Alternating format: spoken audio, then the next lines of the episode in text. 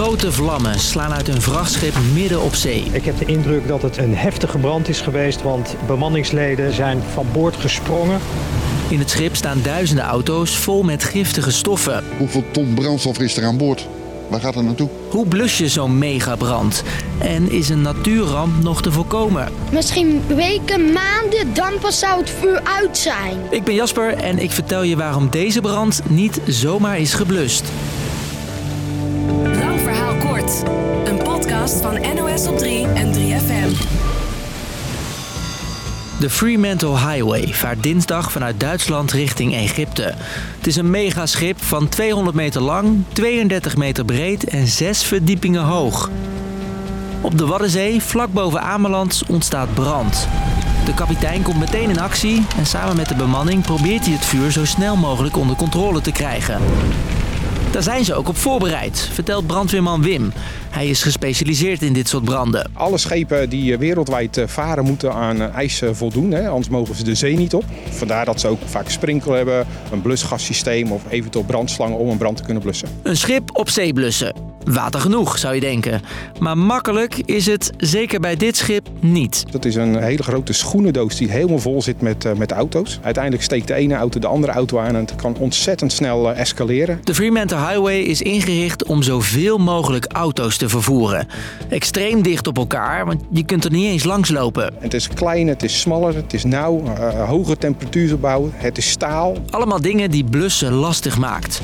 Het vuur verspreidt zich zelfs zo snel dat de bemanning van boord springt. Sindsdien wordt er vanaf de buitenkant geblust. Maar ook dat kan niet zomaar. Omdat op het moment dat je allemaal water op het schip uh, spuit, ja, dan heeft dat invloed op de stabiliteit. En dat wil je ook weer niet op een schip, omdat het dan weer kan uh, gaan kantelen. Het schip staat dus vol met bijna 4000 auto's. Zo'n 25 daarvan zijn elektrisch. En dat maakt het allemaal nog lastiger. Als een lithium-ion batterij in zo'n auto eenmaal in brand gaat, dan stopt hij niet meer. Je hoort Gert-Jan. Ook hij is als brandweerman gespecialiseerd in dit soort branden op zee. Alleen het vuur blussen, dat is bij elektrische auto's volgens hem niet genoeg. Hij heeft geen zuurstof nodig, hij heeft een eigen dragend zuurstof. En dan kan je blusstof op loslaten, maar het blijft gewoon doorbranden. Zit zo, een lithium-accu bestaat uit verschillende cellen. Gaat er eentje in de fik, dan ontstaat er meteen een kettingreactie die niet meer stopt. Zelfs als je alle zuurstof eromheen weghaalt. Want door een chemische reactie in de accu ontstaat er steeds weer nieuwe zuurstof. De accu moet dus volledig afgekoeld zijn, want anders kan de boel opnieuw in de fik vliegen. Daar weet deze autoberger alles van. Hier heeft dus een elektrische auto gestaan die nadat hij een week in de waterdompelbak gestaan heeft... Uh, toch weer binnen 24 uur spontaan uh, ja, tot ontbranding gekomen is. Of ook nu elektrische auto's de oorzaak van de brand zijn, dat moet nog worden onderzocht. Maar de eigenaar van het schip denkt van wel. Vaarbedrijven willen dan ook snel extra strenge regels voor dit soort vervoer. Volgens brandweerman Gert-Jan kunnen we beter de auto's anders ontwerpen. Zorg dat er een kacheltje is. Een kacheltje mag van binnen branden. Zorg dat je dat met een elektrische auto ook doet. Dat die kan branden, maar dat die eigenlijk geen schade kan aanbrengen aan de omgeving. Want ook op de snelweg zijn elektrische auto's voor de brandweer bijna niet te blussen.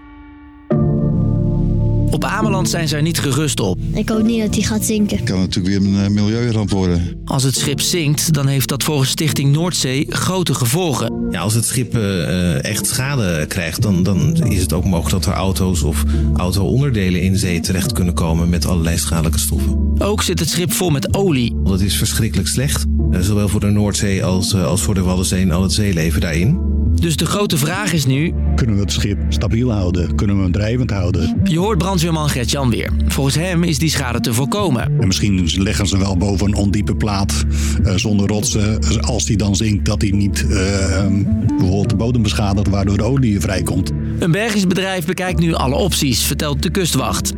Ja, die maken allemaal berekeningen en die bekijken het schip. En dan kunnen ze daar een plan van aanpak op maken. Maar het echt doven van de vlammen, dat duurt nog even, zegt Gert-Jan. Dat is pas mogelijk misschien over twee, drie dagen. En dan hopen ze dat eigenlijk de situatie zodanig uitgebrand is en afkoelt... dat er straks mensen naar binnen kunnen om het echt af te kunnen blussen. Dan ga je echt iets uitmaken. Om zo dus een grote milieuramp te voorkomen. Dus, lang verhaal kort. De brand op het mega-vrachtschip boven Ameland blussen is ontzettend moeilijk. Helemaal door de elektrische auto's aan boord. Als het schip zinkt, betekent dat een grote natuurramp. En dus doet de reddingsbrigade er alles aan om dat te voorkomen. Maar het kan nog wel weken duren. Was dan weer. Morgen dan branden wij onze handen weer aan een nieuwe aflevering. En dompelen we je onder in onze podcast. Doei!